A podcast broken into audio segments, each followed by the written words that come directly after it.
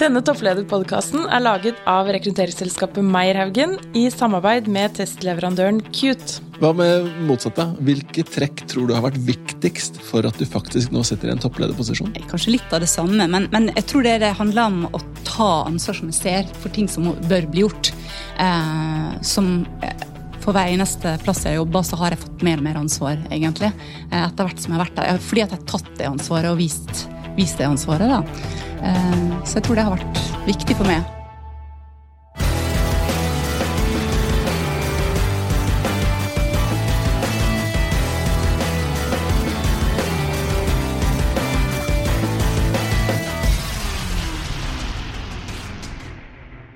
Ja, Sverre. I dag har vi en veldig spennende gjest i studio. Ja, det har vi. Hun har tatt veien Jeg tror det er fra Asker i dag. Ja, det vet ikke jeg, men hun er i hvert fall eh, daglig leder for Miljøfyrtårn. Og det er Ann Kristin Ytterberg. Velkommen til oss. Takk skal du ha. Kjekt å være her. Og det jeg må si er, Vi har gleda oss veldig til å ha deg i studio, og det er av veldig mange grunner. For det første er du, du toppleder generelt i en, i en, i en organisasjon. Og så er du en veldig viktig organisasjon som uh, skal liksom kanskje ja, passe litt bedre på oss, at vi er veldig bærekraftige mål. Men dette skal vi høre litt mer om. da. Mm. Men Kan ikke du bare fortelle litt om deg og din bakgrunn? da?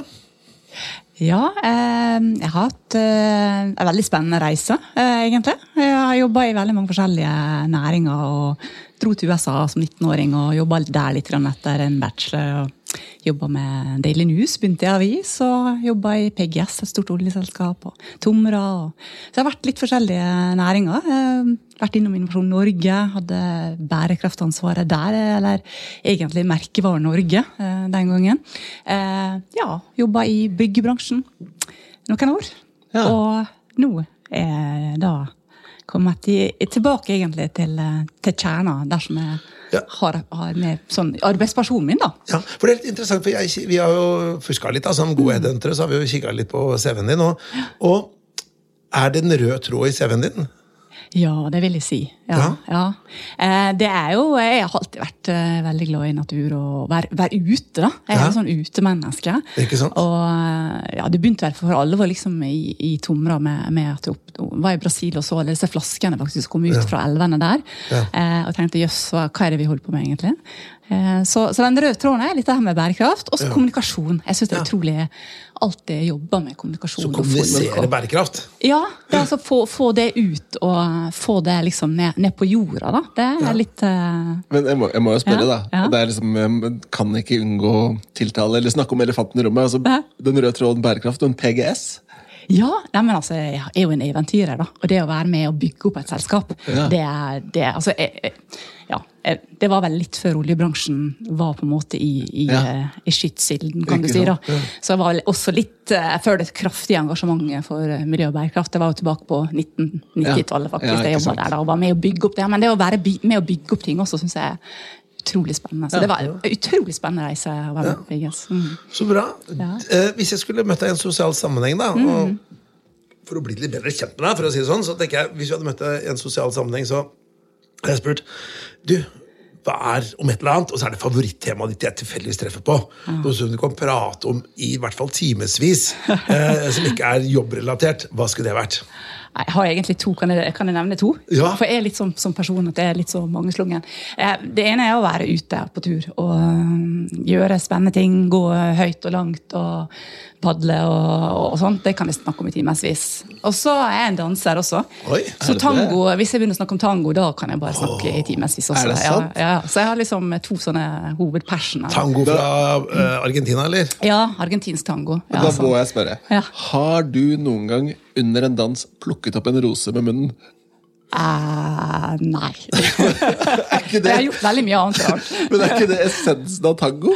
Nei, ja, det er kanskje å sette det litt sånn Nei, kommunikasjon er essensen av tango. Det å oh. klare å kommunisere uten, uten språk og, og, bevege seg til musikken er fantastisk. Ja, ja. Jeg var i Argentina mange år siden, da, og da var dette var, Jeg kunne ikke noe mat, men da var det sånn tango sånn, og I Buenos Aires så var det sånn tango det var liksom alt, liksom. Og det var liksom, de sa at ja, det er den argentinske tangoen som er liksom det helt essensielle. da. Så da var vi, rota jeg meg inn på sånn tangoklubb og mislykka forsøk på å lære meg tango. da. Så der har du meg. Men dette, var, dette er mange år siden. 1990 var dette her, som jeg dro rundt i Sør-Amerika. Men jeg tror det handler litt om, om det, både det å, å, på en måte være på litt sånn ekstremturer og det å, å danse tango. Det handler om å være i øyeblikket. Ja. Det handler om å virkelig føle seg levende. da. Det, ja. Der er jeg noe som person. Da er jeg veldig opptatt av det. liksom, Føle seg levende. Det, Men da må jeg spørre, da. Ja. Vi har en litt sånn uoppgjort beef også mellom meg og Petter. Hvis du måtte velge jakt eller fotball? Oh. Nei, det må ha vært jakt. Jeg, yes. jeg hater fotball. ok, du skal få den. Så bra. Jeg liker deg bedre og bedre. Men du, Vi skal nå gå over til disse tre kjappe, Sverre. La oss ikke prate så mye om jakt. Ja. Du, På slutten av samtalen så kommer vi til å stille deg tre kjappe spørsmål. Eh, du skal ikke svare på dem nå, Nei. men du får høre dem nå, sånn at du kan få lov til å tenke litt på det. kverne litt på det. Ja. Første er hva hvordan tenker du når du skal ta et vanskelig valg? Mm. Hva er ditt beste tips til hvordan man kan håndtere det? Ja. Nummer to. Hvordan kan du drive, eller hvordan driver du best selvledelse, eller selvtoppledelse, om du vil, fra hjemmekontor? Hvordan klarer du å holde deg motivert og liksom gjøre en god jobb eh, fra hjemmekontor? Selvledelse der. Mm. Og Det siste spørsmålet er sendt videre fra Andreas Niss i Elektroimportøren. Og han, passende nok, så har han et spørsmål som handlet om bærekraft. Han visste ikke at det var deg det kom til, men det han lurer på er når det kommer til ESG, altså Environmental Social Responsibility and Governance mm. Hva kan toppledere gjøre for å faktisk skape endring? For det er jo mye det er jo, sant, relatert til bærekraftsmålene, mm. og så er det jo lett å grønnvaske ting og snakke om ting osv. Men hva bør man gjøre for faktisk å skape endring? Mm. Det skal vi få svaret på på slutten av sendingen. Ja, og så er det jo til dere som lytter på og tenker okay, hva hadde dere svart hvis dere var i Ann-Kristin sine spor Nei, spor sier jeg, sko! skulle jeg til å si. Ja. Eh, men du, jeg tenkte at vi skulle gå litt over til Miljøfyrtårn som organisasjon. Kan ikke du fortelle om Hva er visjonen og målsetning til denne viktige organisasjonen? Ja, altså, Målsettinga er jo å gjøre bærekraft konkret. Eh, spesielt for små og mellomstore bedrifter. Eh, for det er jo ikke til å stikke under en stol at eh, man snakker veldig mye om store bedrifter. Mm. Eh, og hva de store skal gjøre. Hva skal Equinor, Du snakka om oljebransjen i stad. Hva skal de gjøre? og hva skal de store? Men så er jo ni av ti bedrifter i Norge har mindre enn 100 ansatte. Ja. Og så har de jo ca. halvparten av ja, skaperevnen og, og, og omsetninga, faktisk. Og det glemmer vi veldig ofte.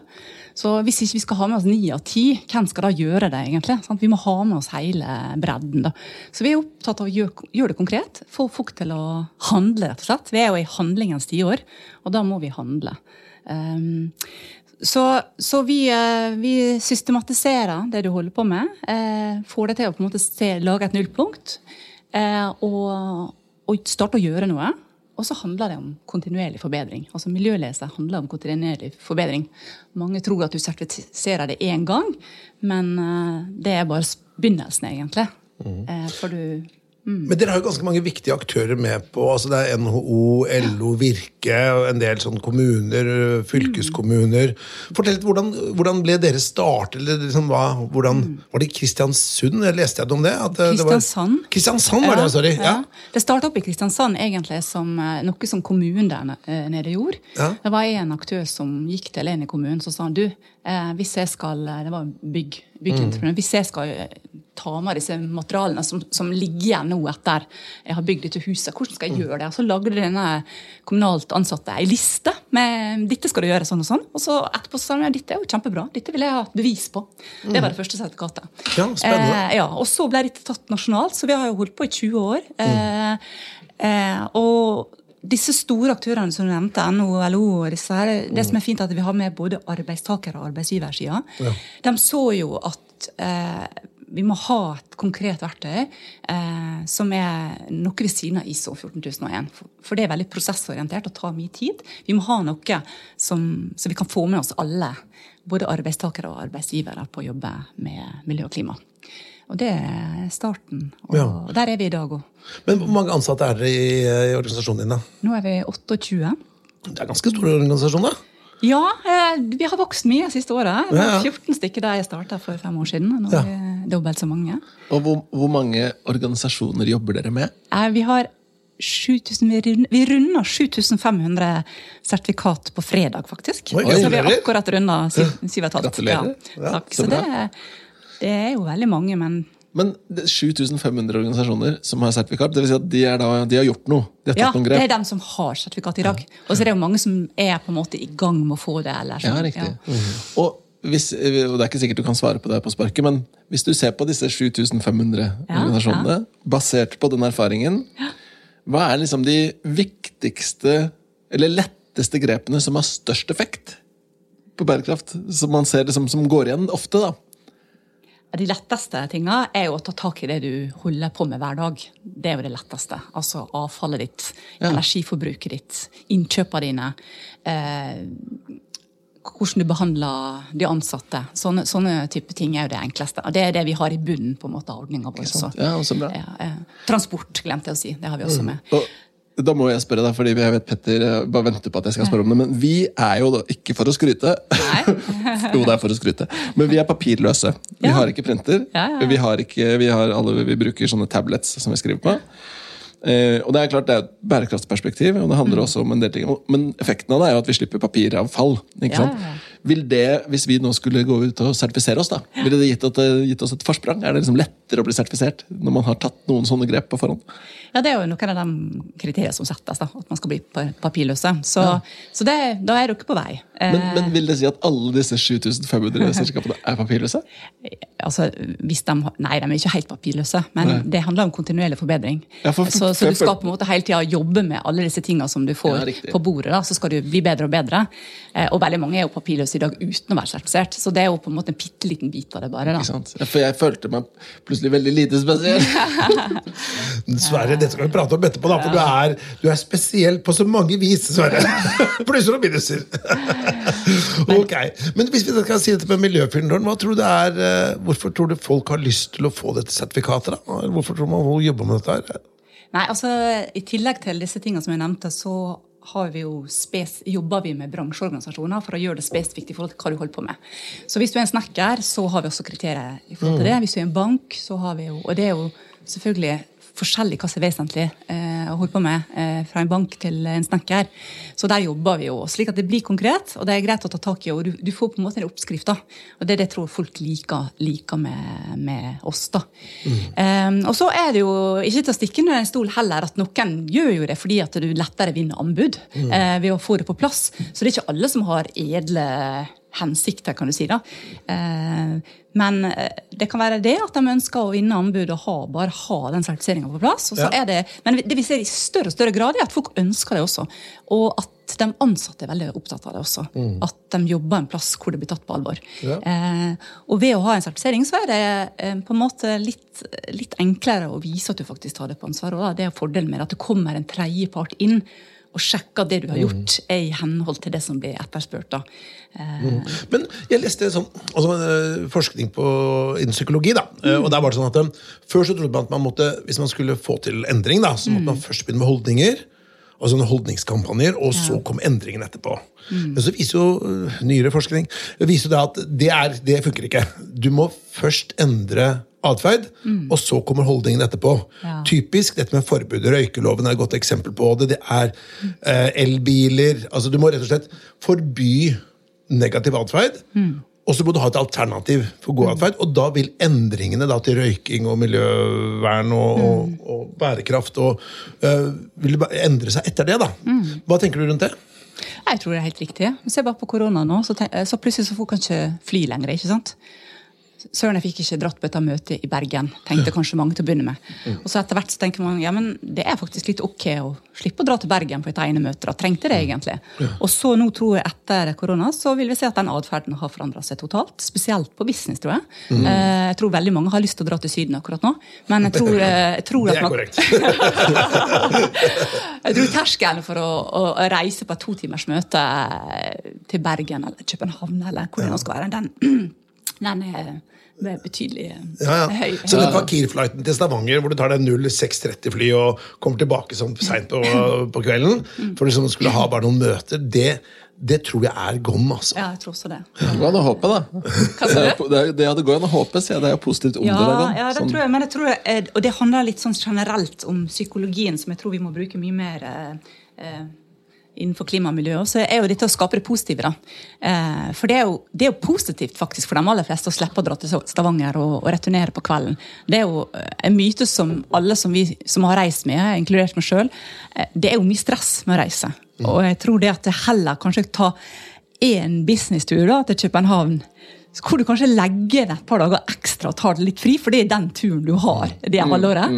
Jeg tror det faktisk kan berike oss veldig. da. Og jeg tror det er liksom hele clouet for, for, for å snakke om miljø og klima, er å heller vise hva som er positivt med, med dit vi skal. da. Men nå, Det, nå, det, det som er litt morsomt, for Vi har jo da eh, studio her i Stortingsgata, rett utenfor Stortinget, og i dag er det sånn bondeopprør. Så da er det mange titalls traktorer utenfor her som tuter og berter.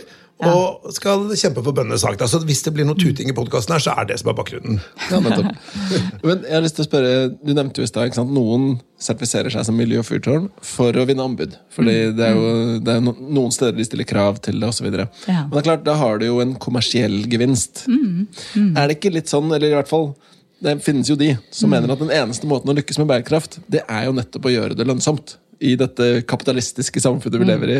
Så er det, ikke, er det noen andre gevinster ved å liksom gå inn og sertifisere seg? Det er lønnsomt allerede, mener jeg. da, fordi at det du sparer jo kostnader, f.eks. med å ha mindre transport, mindre energi. alle disse tingene, altså Allerede der så er det lønnsomt. Men så tror jeg det handler om på en måte å være en del av fremtida og en, ikke en del av, av, av historien. Mm. Det å så faktisk utnytte alle de mulighetene som finnes i det grønne skiftet. Eh, der tror jeg jo det er masse lønnsomhet også.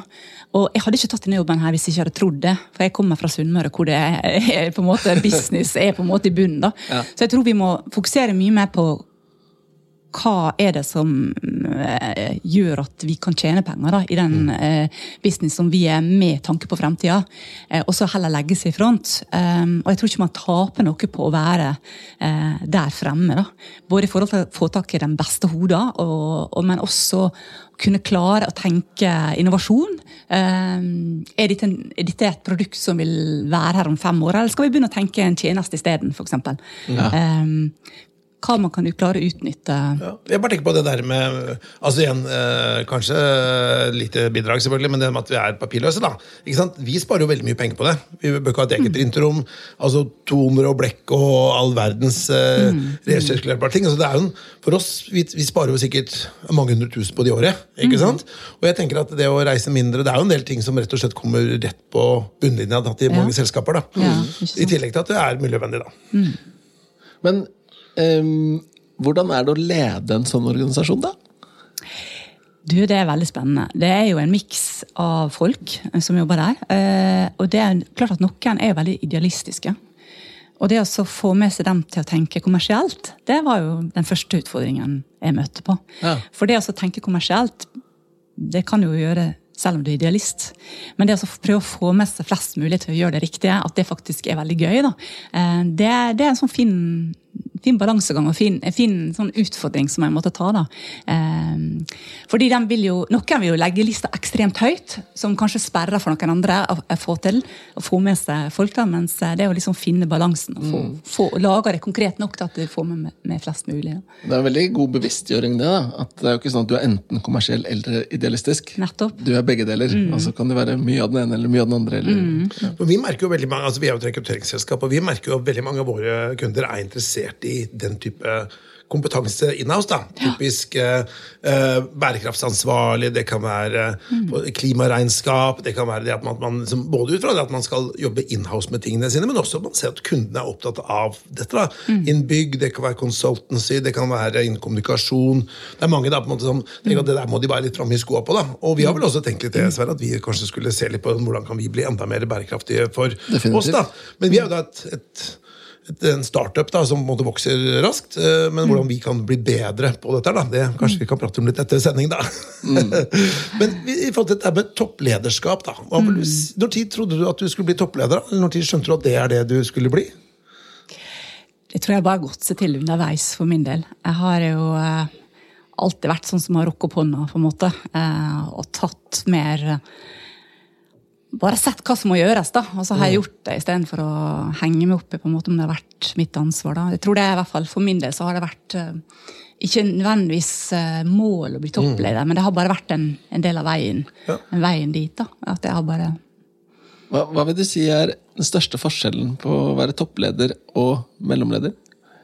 Nei, det det at du er litt mer ensom som toppleder. Altså, du har ikke så mange å spille ball med på de, disse avgjørelsene som du er nødt til å stå i sjøl.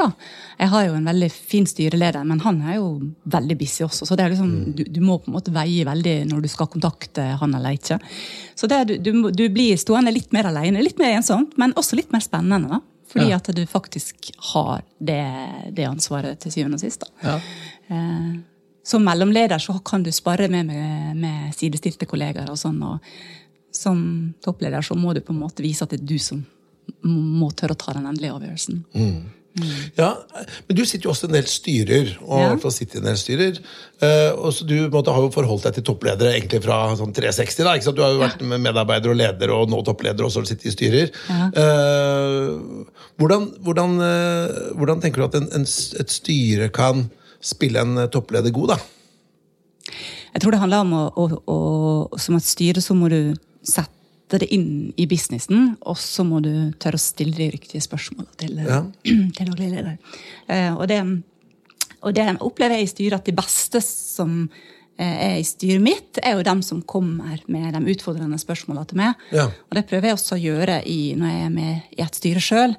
For hvis ikke gjør ikke jobben min, tenker jeg. Hvis jeg ikke jeg tør å stille gode spørsmål for å også få um, administrerende eller hvem det nå er, til å, til å tenke nytt og tenke på alt man kanskje ikke har tenkt på, da, så har ikke jeg gjort jobben min som styremedlem.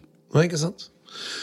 Men eh, hvis vi da tenker på dette her med, med toppleder, hvordan tar du på en måte ser litt på andre toppledere i næringsliv eller arbeidsliv og tenker ok, hva gjør de, og hva er noen tips, eller åh, jeg er glad jeg ikke er i deres sko, eller det høres ut som en spennende jobb, eller samme, har du en identitet som toppleder, eller er identiteten din mer på en bærekraft og miljø, eller hvordan tenker du rundt det? Å nei, jeg tenker, jeg tenker at jeg ser på andre gode ledere. Ja, det det. Uansett hva du holder på med, så er jo liksom lederegenskapene er jo like, tenker jeg da. Ja, ja. Enten du skal jobbe med bærekraft, eller om du skal jobbe med, med ja. Ja. Har, du noen, har du noen forbilder du har lyst til å nevne?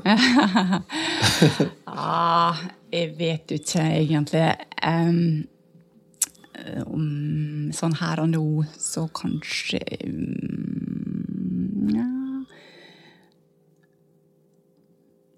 Jeg kommer ikke på noen jeg har lyst til å trekke frem. Noe Nei, her, altså. det er så safe, det. Ingen Eh, nevnt, ingen glemt. Ja, det blir litt sånn Jeg syns jo Tråseth er en spennende leder. Og det, Ja. hun- det hun gjorde med Innovasjon Norge. Ikke sant? Jeg synes det, altså. Jeg må si, det er så veldig sånn sterk og tøff og tør å røske opp i ting. Det syns jeg Ja, kanskje, Ja. kanskje nevne hun egentlig. Jobbe de som er Modig. ja, de som har Mm, stått tungt i sånne endringslederprosesser og Ja. ja. Det å altså tørre å ta tak i og så, faktisk stå i det, det, det har jeg respekt for. Nå, eh, jeg har lyst til å stille et spørsmål som egentlig har snakket veldig lite om på Topplederpodkasten. Og det er også litt fordi det er litt sånn der, det kan være teit å snakke om det, men Mm. hvordan tenker du rundt kjønn og toppledelse? Opplever du liksom det, Har det vært problematisk for deg, eller har det vært et ikke-tema? Um, jeg tror, jeg syns det har endra seg bare i, i løpet av min karriere. Uh, da jeg jeg jobba i oljebransjen, så, så fikk jeg jo beskjed om at det var på en måte nådd et tak, at hvis jeg skulle komme lenger, så måtte jeg bli eh, geolog eller geofysiker. Og det ser jeg i det selskapet har endra seg siden, faktisk. Det har kommet mange som ikke trengte det.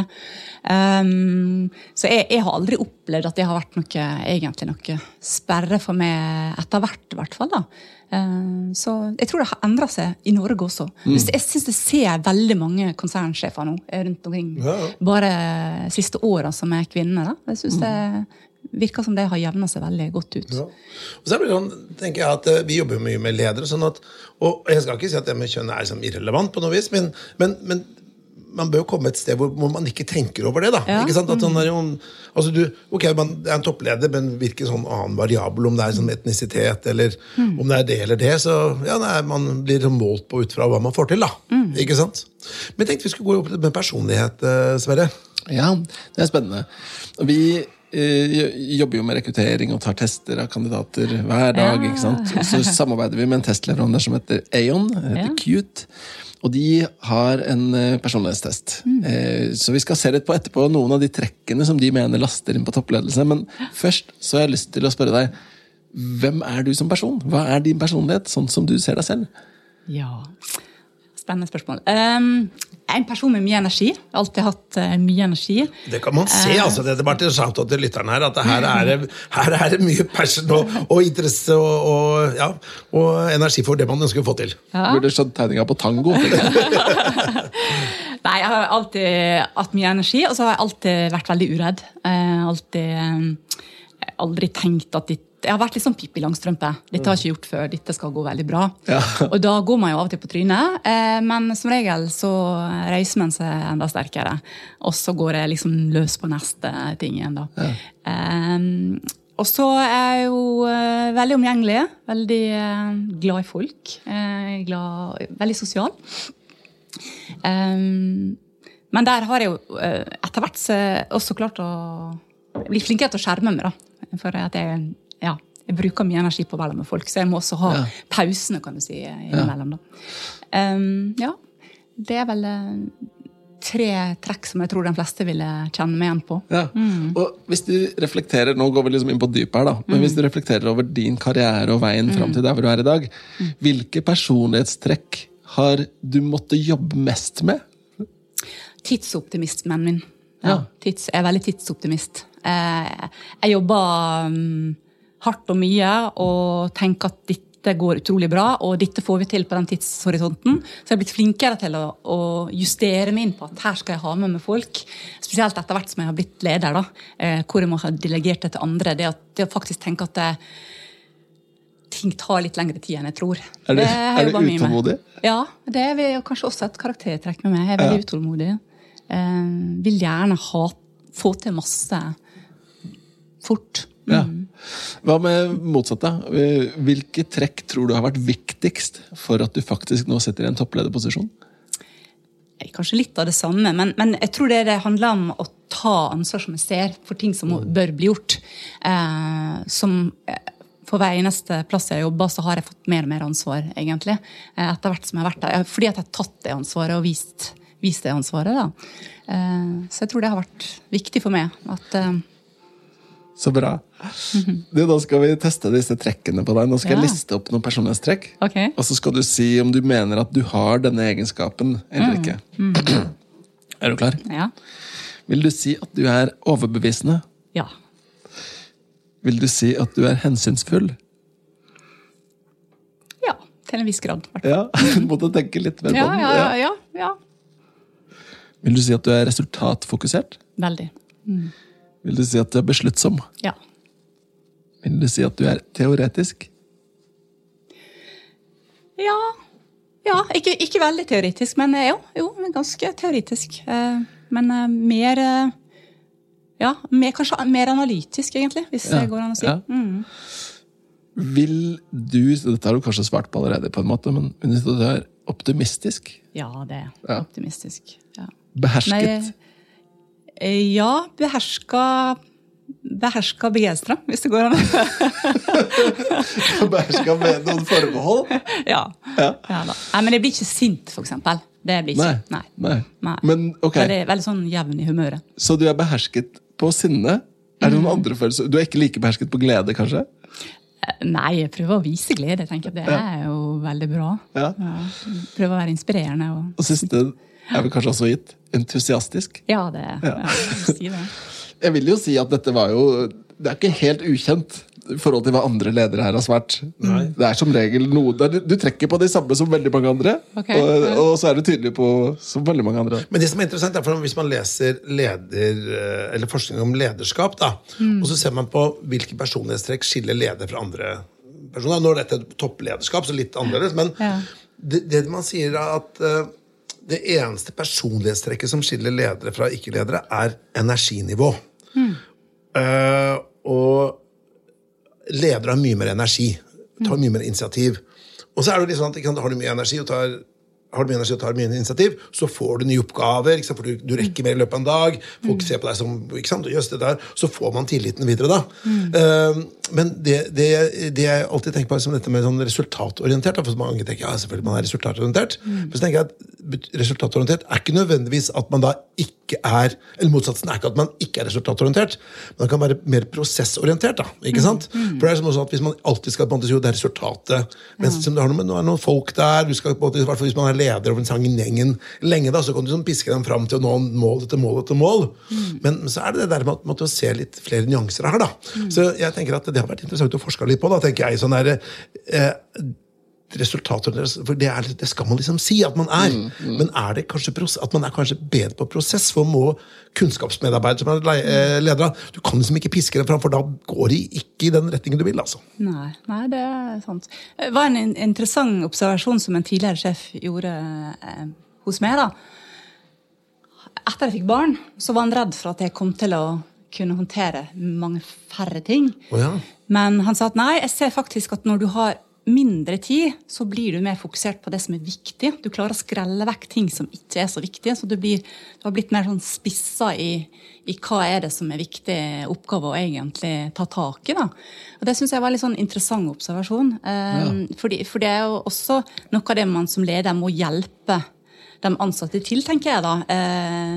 Og, og, rett og slett prioritere vekk ting. Eh, jeg ser jo det på, Hos Miljøfyrtårn så har vi jo tusen ting vi ønsker å få til. Og noe av det vanskeligste er egentlig å velge bort. Mm. Um, så Personlig så tror jeg jeg har blitt flinkere også til å velge bort. Og mm. fokuserer mye på å hjelpe andre til akkurat den biten. da. Mm.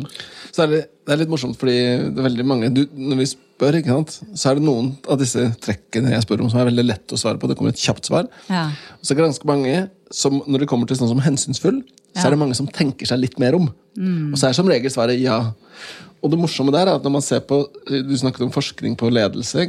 Så ser man at dette som handler om hensynsfullhet, mm. det er ikke det er ikke noe sammenheng mellom om du er en hensynsfull person og blir leder. Mm. Det er ikke noen korrelasjon der som man ser tydelig, men det man ser, er at de dyktige lederne har det. Mm. Sånn at det er en skille på de dyktige og de dårlige lederne. Altså det er et viktig trekk for ja. å være en god leder. Ja, ja det er spennende. Ja, så tror jeg nok det, det vi nettopp prata om, det med at man er Før så kunne man være leder for eh, alle typer mennesker. Nå er de fleste leder for kunnskapsmedarbeidere, for mm. de aller fleste bedrifter er det. Mm. Og da kan du ikke ha en veldig autoritær lederstil. Nei. Eller du kan ikke både gå over lik, for da vil ikke folk jobbe for deg. rett og slett. Mm. Uh, så den gjengen er litt på vei ut av arbeidslivet, på samme måte som jeg leste forskning på at kranglefantene også er på vei ut av arbeidslivet. Da, for folk vil ikke jobbe med dem. Ja. Jeg har lyst til vi må ta et spørsmål til. Og, ja. og, da har jeg lyst til å dra et bilde fra, eller et eksempel ja. fra en morsom litt sånn studie, eller case da, som man kan kjøre, som kalles The Marshmallow, The Marshmallow Challenge. Som er en øvelse hvor du får en marshmallow, og så får du ti spagettipinner, en meter teip, en meter hyssing. Og så får du 18 minutter, så skal du bygge et høyest mulig tårn med marshmallow på toppen.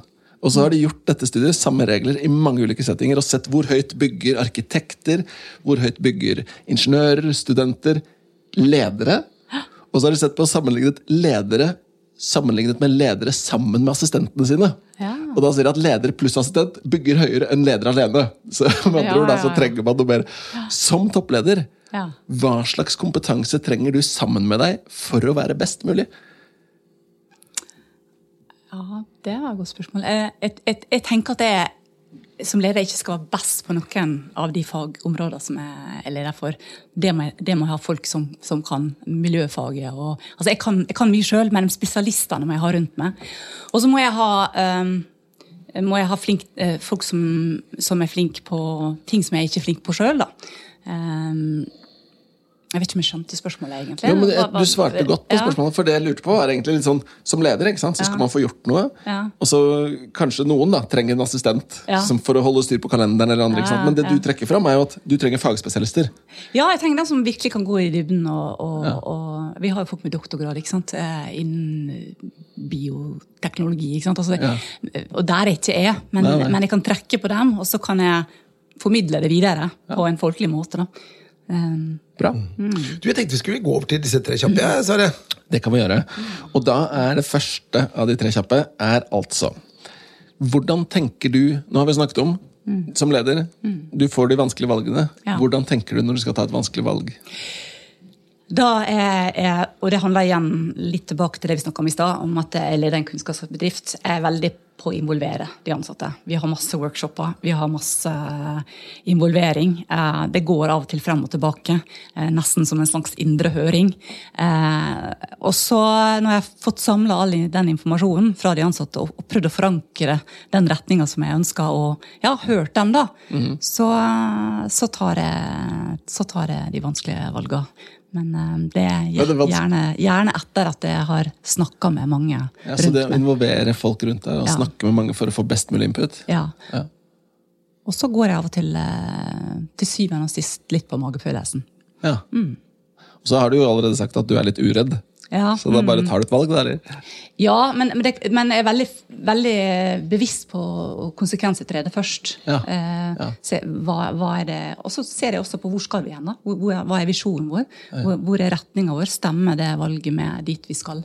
Eh, og Det tenker jeg er ganske viktig, da, at ikke det blir impulsavgjørelser, men at det har sammenheng med, med dit, du, dit, du, skal. Da. Ja. Mm. Så bra. Nummer to. Neste uh, kjappe spørsmål, Sverre. Ja. Beste tips til selvledelse på hjemmekontor? Ja. Jeg tror jeg har gått gjennom samme syklusen som veldig mange andre ja, arbeidstakere og ledere med å gå litt sånn lei av hjemmekontoret. Så jeg har begynt å faktisk stå opp tidlig om morgenen og gå tur. Ja. Få den halvtimen spasertur. Og så har jeg gått tilbake til sånn gammeldagse liste. rett og slett, med på papir hva jeg skal prøve å oppnå i løpet av døgnet. Altså stryke det ut, rett og slett. Altså. Ja. Eh, så jeg, jeg, tenker å sette seg litt sånn realistiske mål for dagen. Legge noen pause. Jeg har, jeg har, gjort om alle møter nå fra en time til 55 minutter, sånn at jeg har muligheten til å hente meg en kopp kaffe. Og, ja, ja, så for jeg først så var alle møter en time, og så lå de back, back to back. Ja. Og det blir kjenner at jeg blir veldig sliten. Hva med 45 minutter? Ja, ja, Og så har jeg begynt med gåmøte. Jeg har ja. Eh, prøvd å ha gåmøte med, med ledergruppa. Eh, at vi har annenhver gang eh, gåmøte og annenhver gang Teams-møte når det er én til én. Sånn at vi kan komme oss Men, ut litt. Gåmøte, er det at man faktisk møtes, eller snakker på telefonen eller Teams? Ja, man går, går ute, ute, helst, da. Med telefon på øret. Ja, ikke sant? Mm. Og snakker gjennom ting. Walk and talk. Mm. Smart. Her var, det jo, her var det jo, her var det jo en liten skattkiste av tips. Ja, absolutt. absolutt. Opp og stå opp tidlig, gå tur. Kort ned på møtene, 55 minutter. Ja. Bruke sjekklister og ha walk and talks. Ja, ja. ja, Gode tips. Jeg tror jeg skal ta med meg noe. Virkelig. virkelig. uh, vi har et tredje spørsmål, og det er da sendt videre fra Andreas Niss, mm. som er CEO i Elektroimportøren. Mm. Og hans spørsmål er relatert til det du faktisk jobber med, som er ja. passende nok. Han mm. visste ikke at det var til deg, eh, men nå, nå er det jo spot on for ja. meg. da. Og det handler om bærekraft. Eh, og det handler om hva kan man som toppleder gjøre for faktisk å skape en endring. At mm. ikke det bare blir grønnvasking. Du, for Mange jobber jo mot bærekraftmålene til FN, mm. men så blir det jo fort til at liksom, det blir litt sånn wishy-washy. Hva kan man gjøre som faktisk skaper endring og gjør ting bedre? Mm. Um, jeg tror det, det, første man må gjøre, er å, å, å ta fatt i det enkle. Liksom det, det, rundt seg. Men så tror jeg man fort, fort skal komme til eh, en diskusjon rundt hva er som egentlig er vesentlig eh, av det vi holder på med. Og da er det så lett å glemme alt det utenfor det konkrete i hverdagen. Altså Man glemmer leverandørene sine, man glemmer de innkjøpene man gjør. Eh, man glemmer de kravene man kan stille videre til alle i hele næringskjeden sin. skulle jeg si. Verdikjeden sin, mener jeg. Eh, så jeg tror det, det, det, det å sette seg ned og ta den diskusjonen med ledergruppa si, hva er det vesentlige? Hvor er det vi kan påvirke? da? Kanskje enda bedre spørsmål. Hvor er det vi kan påvirke mest? Hvor er det vi kan påvirke med det vi holder på med av kjernevirksomhet? Mm. Og hvor er det vi kan påvirke ute i leverandørleddet vårt? Og hvordan kan vi tenke rundt innkjøp? Eh, nå er det jo veldig mye snakk om sirkularitet, f.eks. Eh, når man kommer til innkjøp, kanskje trenger vi dette? Altså begynner med sånne helt enkle spørsmål. Trenger vi å kjøpe dette her? Kan vi kjøpe det brukt? Uh, hvis man skal kjøpe inn produkter til uh, ting man skal lage sjøl, kan vi kjøpe det resirkulert? Resirkulert plast, f.eks. Sånne ting. Prøv å gjøre det konkret. da, mm. uh, Og lage seg rett og slett en, en plan over hvor man, hvor man kan påvirke mest. Og så tror jeg det neste man må gjøre, er å være, bestemme seg for å være ærlig. Være transparent. transparent. Mm. hvis du tar en bitte liten ting som du har gjort, og, og slår opp med det i en reklamekampanje. Sånn som å være papirløse? ja, hvis det er på en måte en bitte liten del av det som egentlig er vesentlig med det du holder på med, så er det å skyte seg i foten. Da syns jeg heller det er mye riktigere å gå ut og si dette er målet vårt. Om fem år så skal vi være klimanøytrale, eller vi skal være, ha kutta våre utslipp med 50 Jeg syns Det er bedre, en bedre fremgangsmetode. Men da må du følge opp også, og vise at det er ekte. Men det er mye bedre å være ærlig mm, totalt enn å på en måte fremheve en bitte liten bit. Og, og, for det, det, blir avslørt. Det, det skjønner folk. Eh, og så tenker jeg også at det, eh, det også å mene det og bygge kultur rundt det, da, og også få frem dette med innovative aspekter. Få med de ansatte på hva kan vi gjøre annerledes. da? Hvordan kan vi faktisk eh, eh, få en bedre business av å tenke fremover i en bærekraftig verden. Mm. Eh, skape kulturer fra toppen og ned. med Ikke plassere bærekraftsansvarlig i, i kommunikasjonsavdelinga, men kanskje plassere den personen i innovasjonsavdelinga eller strategiavdelinga. Mm. Og så må ja. man som toppleder så må man eie engasjementet mm. sjøl, tenker jeg, da, hvis det skal virkelig føles ekte. Det er et veldig godt poeng, da, dette med å ikke putte i kommunikasjon. Bare sånn kjapt spørsmål til deg, da, Petter, som har jobba en del med bærekraftstillinger. Hvor ser du disse stillingene ofte ligger? Altså, Det kommer litt an på, for Noen av de skal da jobbe ut mot kunder, og noen skal jobbe inhouse. Mm. Men det som er felles for alle de stillingene vi har jobbet med, det er at det, det har vært uh, CEO som har tatt initiativet til uh, stillingen. Mm. Og uh, vi det podkast som virkemiddel i vår rekruttering, og da er det CEO er med i den podkasten og forteller om den satsingen. Så det er forankra ja. helt på toppen. Ja, det så det må jeg si er, det er en del av strategien. Mm. både, ja, det er, det er, ikke bare sånn noen sitter på et tørkeloft, eller et eller annet sånt, det er virkelig en del av strategien. For de kunne vi ha jobba med. Og det er ikke sikkert det er for alle, men det er i hvert fall vår erfaring. da. Ja, jeg er helt enig. Det, det, det der, hvis ikke det er forankra der, så ja, mm. kommer ikke du så langt. hvert fall. Så bra. Jeg tenkte vi skulle gå litt for landing igjen. Ja, det tenker du hver gang, men du må, glemme, må ikke glemme at vi skal sende et spørsmål videre. Det er riktig. så det er, det er classic. Uh, hvis du skal be en annen toppleder reflektere over en ting du lurer på selv, ja, ja. hva slags spørsmål skal vi da sende videre? Jeg, jeg lurer veldig på hvordan, når korona er over, hvordan vi skal håndtere dette med at folk nå er blitt vant til å sitte på hjemmekontor. Eh, og så er det veldig mange som klager over at eh, den dynamikken man får til i et ekte rom, forsvinner litt. Eh, hvordan man da kan håndtere at man ønsker eh, dynamikk i et rom, og så er det noen som velger å sitte på hjemmekontor i samme møte. Altså den dynamikken mellom et Teams-møte og et ekte møte. Hvordan man har tenkt å håndtere det videre. Det er et godt spørsmål, fordi det er jo en veldig relevant problemstilling. Mm. Bra. Tusen takk. Jeg syns dette har vært kjempeinteressant. Og så tenker jeg, Petter, Det jeg ble litt inspirert til nå, det er jo etterpå at vi skal kna huene våre sammen i ledergruppa vår og diskutere litt sånn, hva slags bærekraftsmål skal vise til oss. Absolutt. Så det var veldig inspirerende å ha deg her, eh, Ann-Kristin. Og jeg tenker jeg ønsker deg lykke til i den viktige jobben du har. Og jeg håper mange av dere som lytter på podkasten, tenker at ja, kanskje vi skal ta kontakt med Miljøfyrtårn og høre litt hvordan vi kan bli sertifiserte, og kanskje høre litt mer om hvordan vi kan bidra til en bedre og grønnere verden. Har du innspill eller kommentarer til denne podkasten, kan du sende en e-post til toppleder at meierhaugen.no.